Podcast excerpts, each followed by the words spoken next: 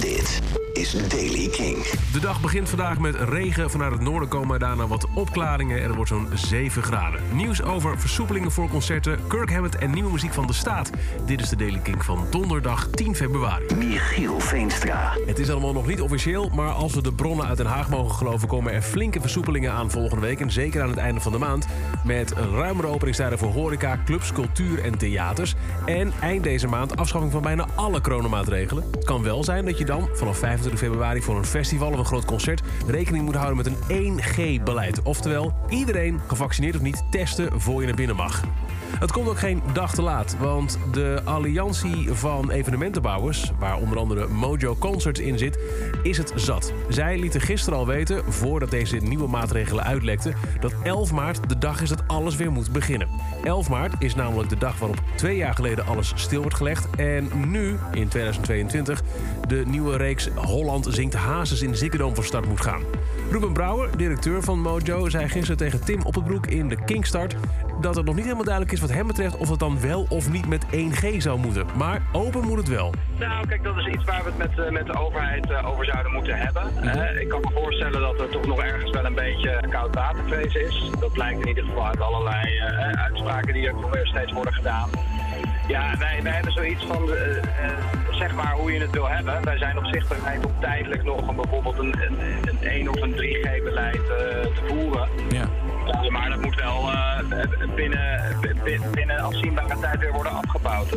Metallica-gitarist Kirk Hammett heeft zijn solo debuut-EP Portals aangekondigd. Een filmische reeks muziek, een audio-cinematische benadering. Dat zijn soundtracks voor de films in je hoofd, zegt hij.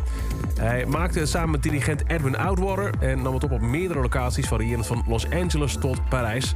En het nieuwe werk van Kirk komt binnenkort uit.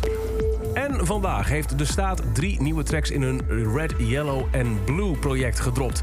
Drie tracks. Red is meer agressief, Yellow is meer radiovriendelijk en Blue is meer introspectief. De eerste is dan Red. Die heet Paying Attention.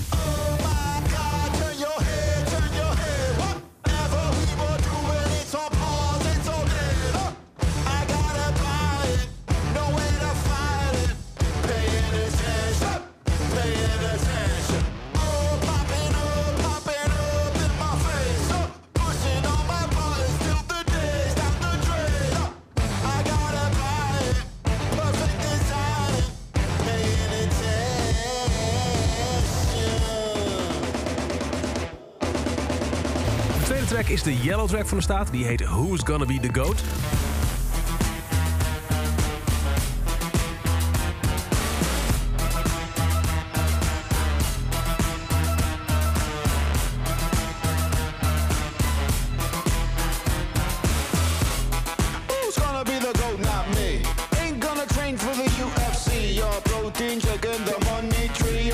Who's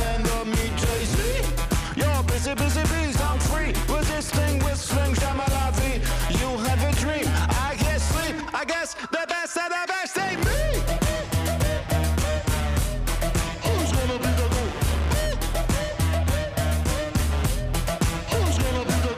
En tot slot de blauwe track. Die heet One Day.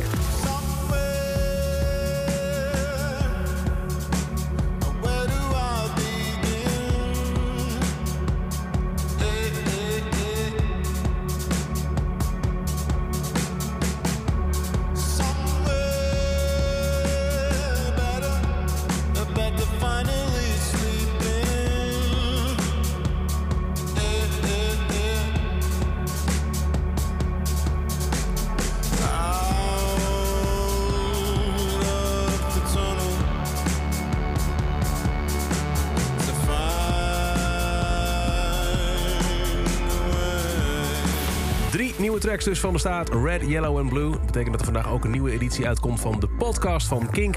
Waarin DJ Erik Korton praat met frontman Torre Vloriem over elk van de drie nieuwe tracks. Nu te beluisteren in de Kink-app, kink.nl waar je ook maar podcast luistert.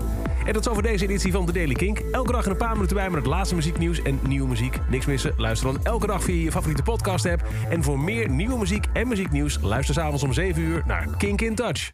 Elke dag het laatste muzieknieuws en de belangrijkste releases in Daily Kink. Check hem op kink.nl of vraag om Daily Kink aan je smart speaker.